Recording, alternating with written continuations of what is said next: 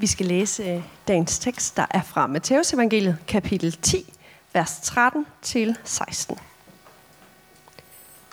Og de, bar, og de bar nogle små børn til Jesus, for at han skulle røre ved dem. Disciplene troede af dem.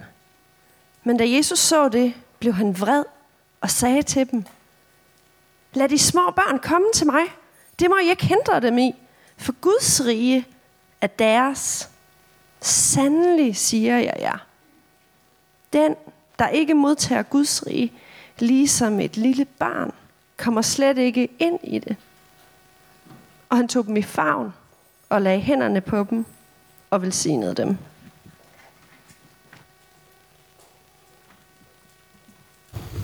Hmm.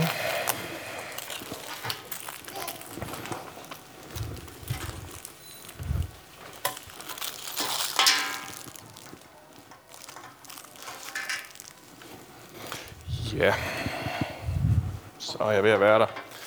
Det, ja, det er simpelthen så sjovt fundet på det her.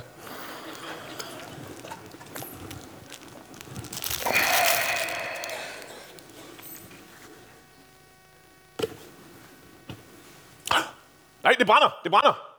Det brænder! Okay, ja. Øh, det gør det ikke. Men jeg tænkte, jeg vil simpelthen lige benytte lejligheden, nu når jeg havde klovnekostymet på til at genopføre den her scene fra, fra kirken, Kirkegårds enten eller. Han siger sådan her i de her, de her salmer, der, øh, det hente, har vi et citat på den? Ja. Det hente på et teater, der gik ild i kulisserne. Bagagen, altså klovnen, kom ud for at underrette publikum derom. Man troede, det var en vidighed og applauderede. Han gentog det, men de jublede endnu mere. Således tænker jeg, at verden vil gå til grunde, under almindelig jubel af vidige hoveder, der tro, at det er en vits. Øh, jeg synes, det var for oplagt til at lade gå forbi. Nu står jeg her med min, min røde næse på, og øh, øh, tænker, at, at det, var, det var simpelthen ikke lige dumt ikke lige at testere i virkeligheden, og der var ikke nogen af jer, der tog det seriøst, kunne jeg fornemme på det hele. Øh, det er ret svært at blive taget seriøst, når man står med et på. En rød næse er jo faktisk nok. Altså, jeg, sådan, jeg kan jo stå og tale om hvad som helst, og der er jo ikke nogen, der kan, der kan tænke, at det giver mening, det han siger. Øh, jeg kommer til at arbejde hårdt for det i dag. Men, men det er jo ikke så meget bajasen eller kloven, som Kirkegaard han er, er, er efter, som det er tilhørende. Eller i hvert fald sådan en relation imellem. Der er gået et eller andet galt i det der, ikke også? Øh, han beskriver den her verden, hvor vi er blevet så lidt vant til at tage ting seriøst. Hvor det føles som om, det hele er som et stort teaterstykke, som en stor klovnekomedie. At vi faktisk ikke kan skælne, når det virkelig brænder. Og nu beklager jeg her. Vi kan ikke skælne, når det virkelig brænder. Det er nok kun blevet værre siden Kirkegård. Nu har vi fået et, et internet, ikke også, som er blevet fyldt op med stemmer, der gerne fortæller os, at verden brænder. Der er både klovne og influencer og politikere, og der er sådan en vist overlap mellem dem alle tre. Øh, og man kan nærmest ikke gøre andet end at sidde tilbage og så bare sådan grine af det. Altså, nærmest lige meget, man har fundet den vildeste konspirationsteoretiker øh, på det mørkeste internet, eller om man lytter til, til en eller anden øh, regeringspolitiker, så er det svært helt at finde ud af, skal vi egentlig tage det her seriøst, eller ej? Øh, står jeg her i mit klovne kostyme og siger. Det er den verden, vi lever i, hvor dem, der botter højst med deres øh, bothorn, får mest opmærksomhed, men, men sjældent rigtig nogen, der siger noget, der egentlig er værd at lytte til, ikke også? Som gør, så gør, at den der stakkels klovn, som så prøver at være sandhedsvidne, så prøver at forklare folk, at der faktisk er ild i lige præcis det her hus, øh, er der alligevel ikke nogen, der kan tage seriøst længere, fordi man har simpelthen bare fået nok. Man kan simpelthen ikke tage noget seriøst længere efter alt det, man har måttet stå øre til. Internettet har nok ikke gjort noget nemmere, men, men samtidig så er det jo egentlig et problem, som altid har været der. Øh, I hvert fald også på kirkegårds tid for 200 år siden. Og, og samtidig med ham, så har vi jo faktisk over i Amerika øh, den amerikanske borgerkrig. Det er under den, at øh, Borte med Blæsten foregår, og det bliver simpelthen den film, I skal udsættes for i dag. Øh, den her fire timer lange klassiker, det var den, jeg valgte at gå med i stedet for komedien om et lige, eller øh, den, hvor det er vigtigt at vinde a cappella sangkonkurrencen. Øh, i Borte med Blæsten, der møder vi Scarlett O'Hara, der må gå så grueligt meget igennem, som heldigvis har sit kønne ydre og sit beregnende indre med sig. Men alligevel øh, i den her kamp for at få sin elskede fødegård tilbage, øh, og så i øvrigt også hendes kamp for at få de her mænd, som hun tror, hun vil have, og nok ikke rigtig helt skal have alligevel, når det kommer til stykket. Øh, den har simpelthen bare sat sig. Den er, den er sådan konsekvent på top 10-listen over de bedste film i verden. Øh, selvom den er 80 år gammel nu. Øh, og, og den her ikoniske slutreplik, øh, som, øh, som Red Butler, hendes øh, sådan sande modstykke, ham hun egentlig burde ende op med, da hun til sidst er klar til at kaste sig i armene på ham, og han så afviser han og siger, og hun siger, hvad skal jeg så gøre? Og så siger han, frankly my dear, I don't give a damn. Øh, den, har simpelthen, den, den, den, den, bliver også bare sådan kåret som den bedste filmreplik øh, nogensinde hver gang. Og øh, nu skal vi se et lille klip øh, fra den her. Øh, det er øh, Scarlett, og så ham, hun starter med at tro, hun skal være kærester med. Ashley, der lige er vendt hjem fra krigen og er totalt traumatiseret. Og nu skal hun lige øh, have noget ud af ham alligevel. Vi ser lige lidt af den. place for me. Oh, I can never make you understand because you don't know the meaning of fear. You never mind facing realities. And you never want to escape from them as I do.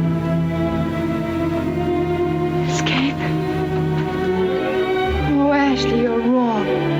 I do want to escape too. I'm so very tired of it all. I've struggled for food and for money. I, I've weeded and hoed and picked cotton till I can't stand it another minute. I tell you, Ashley, the South is dead, is dead. The Yankees and the carpetbaggers have got it, and there's nothing left for us. Ashley, let's run away. We go to Mexico. They want officers in the Mexican army. We could be so happy there. Ashley, I'd work for you. I'd do anything for you. You know you don't love Melanie. You told me you loved me that day at 12 Oaks. And, and anyway, Melanie can't. Dr. Mead told me she couldn't ever have any more children than I could give you. Can't we ever forget that day at 12 Oaks? Do you think Ja, øh, sammenhængen kunne være endnu skarpere, ikke også? Men, men her, her møder vi øh, øh, øh, Scarlett her, og hun er så stille og roligt ved at overbevise ham her, Ashley, om, at øh, og han siger, at du lever jo bare det sunde liv, men siger, nej, jeg, vil, jeg har lige så meget lyst til at flygte fra virkeligheden, som du har. Øh, og så begynder hun alligevel på at spinde den her ting med, at hvis bare de stak af til Mexico, de to sammen, hvis bare han forlod sin kone, øh, som er hendes gode veninde og så videre, så kunne det jo bare blive godt, og så kunne de endelig få det godt sammen der. Øh, og sådan, sådan bliver der sådan bare sådan spundet lag på lag på øh, virkeligheden i den her film, i den her fortolkning. Øh, det er jo også sådan, det sker med selve filmens virkningshistorie. Den kommer der lige inden 2. verdenskrig i 1939, øh, hvor at det amerikanske syd det stadig er fuldstændig segregeret, hvor at der stadigvæk er forskellige vandhaner til sorte og til hvide, øh, buspladser osv. Ku Klux Klan, det er det lokale politi, der prøver på at holde lidt styr på det, nu når holder, holder de sorte nede, fordi de er jo stille og roligt ved at overtage deres land. Og når de siger, at det er det, så er det fordi, at det første sorte byrådsmedlem er blevet, blevet valgt. Øh, og så kommer udkommer Borte med blæsten ind i det her, og taler lige ind i den fortælling, ikke også? Fortæller, hvordan slaveriet slet ikke var så slemt. Hvordan øh, der egentlig var et ret venskabeligt forhold mellem slaverne og herrerne. Øh, hvordan de nærmest sådan frivilligt vender tilbage, efter de er blevet frie, fordi hvad skulle de ellers gøre? Øh, og sådan siger, jamen, så, så slemt blev de heller ikke behandlet, som om, at det ikke var sådan selve frihedsberøvelsen, der var problemet i første omgang. Ideen om, at man kan eje et andet menneske, som, øh, som, som simpelthen ikke har nogen gang på jord, lige meget, meget hvor godt man så synes, man behandler det. Det andet er også sådan, at den sorte skuespiller Hattie McDaniel, der spiller Mami, hun ender med at blive den første sorte Oscar-vinder for sin præstation, men hun er simpelthen ikke velkommen til premieren i Alabama, øh, i Georgia, undskyld. Og det er fordi, at, øh, øh og det er kun fordi, at producenten han slår i bordet hjemme i Hollywood i Kalifornien, at hun får lov at komme med ind og få sin Oscar og sidde inde til selve Oscar-uddelingen. Altså det, det er den virkelighed, vi træder ind i her, 100 år senere efter, at det, de begivenheder her, de egentlig har fundet sted. Og så kommer den her fortælling, ikke også? Den her film, som bare rammer os alle sammen i hjertet og totalt legitimerer alt, hvad der, sker, hvad der er sket omkring den. Om de noble slaveejere, der kæmper for klassiske kristne værdier, om en livsstil, der er bedst for alle. Som helt uden grundlag, øh, grund, grund for ødelagt deres liv, og det går også ud over skyldige kvinder og børn og stakkels Scarlett O'Hara. Og nu kan de pege på al den forarmelse, som de vrede nordstater de har forårsaget for dem, øh, fordi de tog deres velvillige slaver fra dem og ødelagde den naturlige orden. Og så er vi tilbage i den anden e- ende af klovneriet. Øh, nostalgien, der kan bilde os hvad som helst ind. Det var endnu en pointe. Øh, sådan, at hvis det bare sådan lige bliver serveret på den rigtige måde, ikke også? Hvis det her, øh, der er lige en eller anden smart filmproducent, der kan få den her fortælling fra mit liv, som jeg ikke lige sådan helt ved, hvad jeg skal stille op med, til at give mening, så vil jeg meget gerne se med. Ja, nu er jeg langt om længe ved at have kæmpet mig igennem alle benspændene, selvom jeg stadig lige kan se noget rødt på min næse. Øh, og noget frem til dagens prædiketekst. Fordi der siger Jesus jo så, at Guds rige, det hører børnene til. Og hvis vi skal gøre noget i det her problem, den her udfordring af, at vi ikke rigtig kan skelne mellem, hvornår virkeligheden egentlig brænder eller ej, vi ikke kan tage noget seriøst længere, at nostalgien, den, den sniger sig ind og bilder os alt muligt ind, som egentlig ikke har noget at gøre med virkeligheden omkring os. Så tror jeg faktisk, at det er børnene, vi skal lære noget af. At midt i vores klovnede, nostalgiske pseudo-virkelighed, hvor vi får byttet rundt på, hvad der er op og ned og sandt og falskt i skyndingen, så er det børnene, vi skal tilbage til. Ikke fordi de er perfekte, men der er alligevel et par grøfter, de ikke hopper i. Øh, teologiprofessoren Leif Andersen, han siger det sådan her, og, og det er også et sted, man heller lige må lytte efter her. Øh, børn er ikke bedre mennesker end voksne. De er bare klogere. De forstår for eksempel, at det er vigtigt at være sammen, end at eje ting. Det er først som voksne, vi begynder at bilde os ind, at penge og luksus er noget vigtigt. Det er først som voksne, vi begynder at forestille os, at karriere er noget vigtigt. Det er først som voksne, vi begynder at tro, at ære er noget vigtigt. Det er kun far, der tror, at det gør en forskel. Han siger, at han elsker børnene overalt på jorden. Børnene forstår udmærket, at det er da flindrende ligegyldigt, hvis han ikke gider at være sammen med dem. Og børn overtræder regler som gale, men det er først som voksne, de begynder at bøje regler. Der er lige så meget sort i børnene som i de voksne, men de begynder ikke at kalde sort for hvidt og hvidt for sort. Det begynder man først på senere hen. Forståelse for det vigtigste i livet er noget, vi mister med årene. Igen, også med min erfaring fra mine mange busture. Ikke fordi, at børn er bedre mennesker end voksne, vel? Børn er de største egoister, der findes. Men, øh, og, og det er som sådan ret nemt at manipulere med dem og bilde dem ind, at det er det her stykke legetøj, der kommer til at gøre dem lykkelige osv. Men det her selvbedraget, den her måde at få byttet rundt på, hvad der egentlig er vigtigt, hvad der egentlig er rigtigt. Hvordan, hvor man sådan helt mister kontakten med, hvad man egentlig kan regne med, og hvad man ikke kan. Hvor man bare opgiver at tage noget seriøst over hovedet. Det skal man lige sådan have lidt flere år på banen, før man begynder at falde i. I bibelteksten, der er det disciplene, som er ved at lægge sig imellem. Ikke også? Det er som om, at det er dem her, de her mennesker, som Jesus han har udvalgt til at blive ligesom ham, det har stedet dem så meget til hovedet, at de tænker, at de, øh, de må hellere lige øh, sørge for at få det her skaffet af vejen. De begynder at tage det seriøst på den helt forkerte måde. Det er deres opgave at holde beskidte børn øh, og andre besværlige personager fra ham. De er begyndt at miste den der forståelse for det vigtige i livet, ikke også? Fordi de, de har simpelthen fået byttet op og ned på, hvad det er, det går ud på. Og så er det Jesus, han vender det hele på hovedet med de her famøse ord, som vi læser hver eneste gang, der er et barn, der skal døbes. Lad de små børn komme til mig. Det må I ikke hente dem i, for Guds rige hører sådan til. Der sker tre ting her. Det første er, at Jesus siger, at børnene er velkomne hos ham. At der ikke er noget, der er vigtigere, end at de får den velsignelse af ham. Åh oh, jo, det var fint. Og nu ved jeg godt, at de store politikere, de også helst lige skal, skal kysse nogle babyer en gang imellem, og at det er de sjoveste billeder, det er dem, hvor børnene så begynder at græde, ikke også, imens. Øh, men altså, det giver jo ikke nogen mening i det store billede, vel?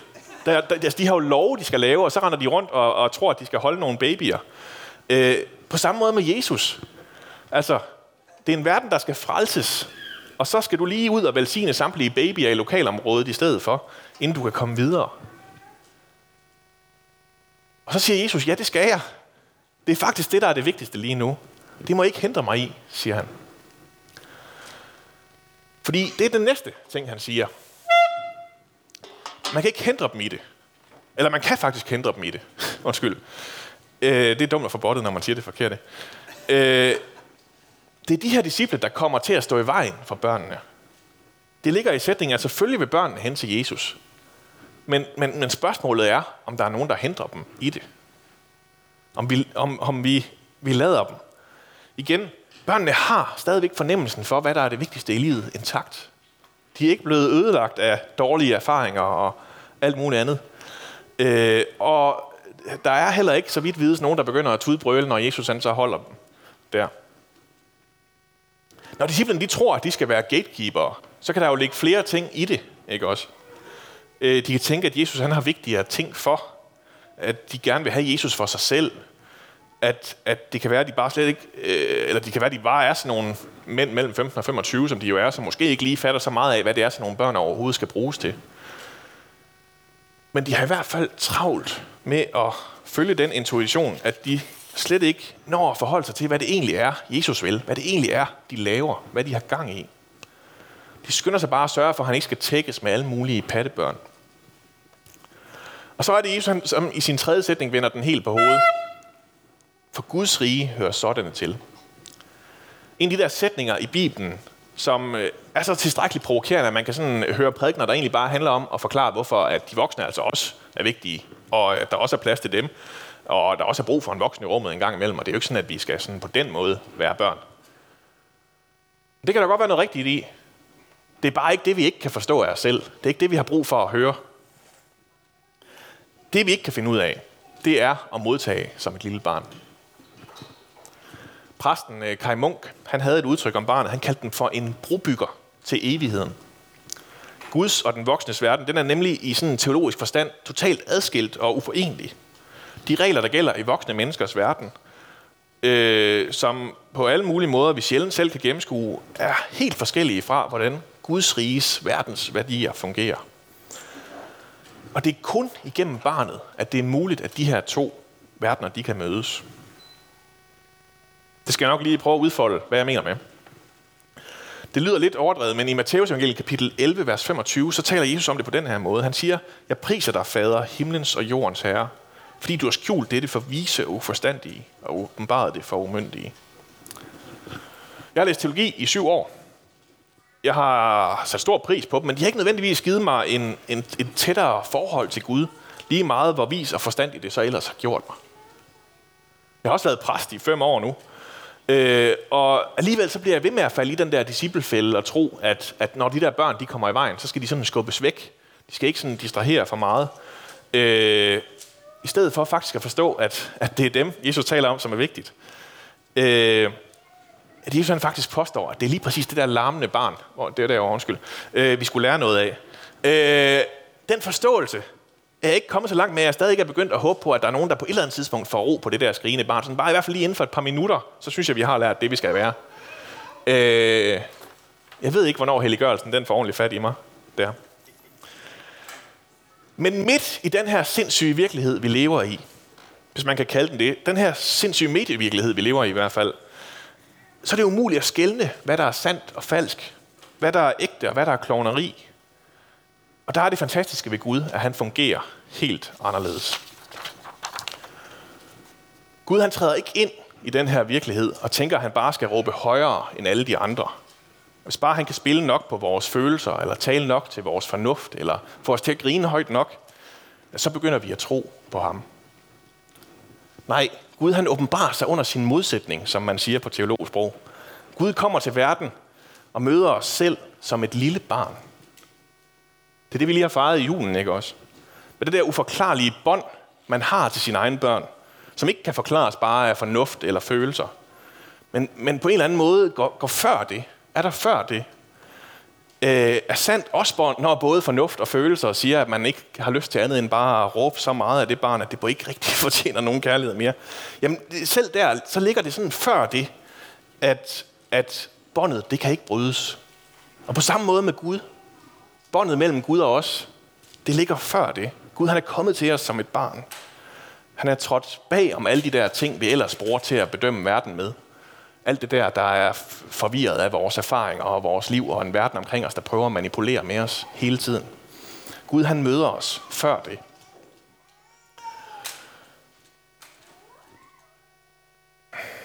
Og igen, midt i den her verden, hvor det måske, måske ikke brænder, hvor det er svært helt at skelne, hvad man kan stole på, og hvad man ikke kan stole på, så træder Gud frem som det her barn og kalder på vores tillid igen, fordi han selv bliver ved med at give den til os. At han siger, at ligesom barnet, så er jeg i det her umiddelbare, i det her tillidsfulde. Jeg burde bort nu, men det gider jeg ikke mere. Øh, jeg er, Gud han møder os i det. Og selv der, hvor vi har mistet troen og tilliden til verden, så viser han også en ny måde at være i det på. Være i den på. Siger, at, at Guds rige faktisk ikke er lukket. At der stadig er godt i verden. Men den, der vil ind i det, skal være som et lille barn. Med al den umiddelbarhed og tillid, og i virkeligheden også hjælpeløshed, som de har med sig.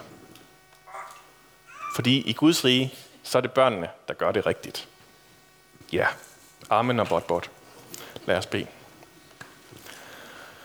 Far, i øh, den her verden, der måske, måske ikke brænder, hvor klovne og andet folk, de står og råber op, øh, hvor der bliver bottet alle mulige steder og råbt højst, og ja, det er simpelthen er så svært at, at, at finde ud af, hvad der er sandt og falskt, hvad vi skal reagere på, og hvad vi ikke skal. Så beder vi om, at du må give os at kunne skælne i det. At du må give os ikke at kunne tage os selv alt for seriøst, øh, men kunne tage dig seriøst. Må du lære os at, at blive som børn igen sende os bag alt det, som vi har byttet rundt på. Øh, alt der, hvor vi har byttet op og ned på, hvad der er vigtigt og hvad der ikke er. For tak fordi, at der stadig er en vej ind i dit rige, selvom det kan synes helt umuligt en gang imellem. Tak fordi, at du har givet os tillid, umiddelbarhed, erkendelsen af, at vi har brug for hjælp. Tak fordi vi har fået den helt fra barns ben, og den beder vi bare om, at vi må kunne, kunne finde igen. Og far, tak fordi du selv møder os som et barn. Med et bånd, der går meget længere, der går før følelser og fornuft, erfaringer og hvad der ellers er.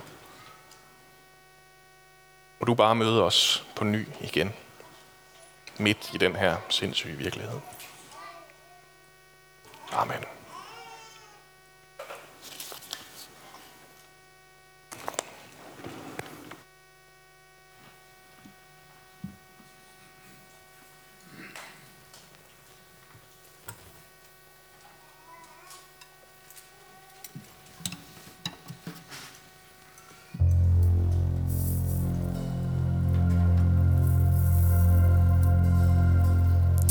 Ja, skal jeg synge en sang for jer?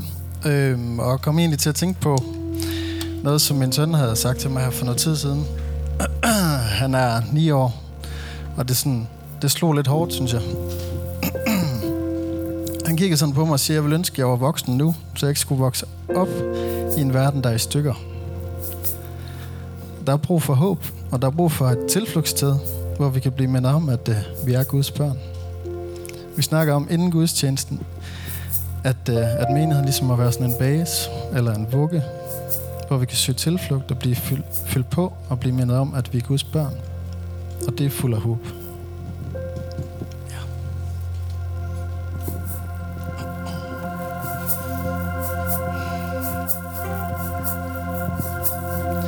You unravel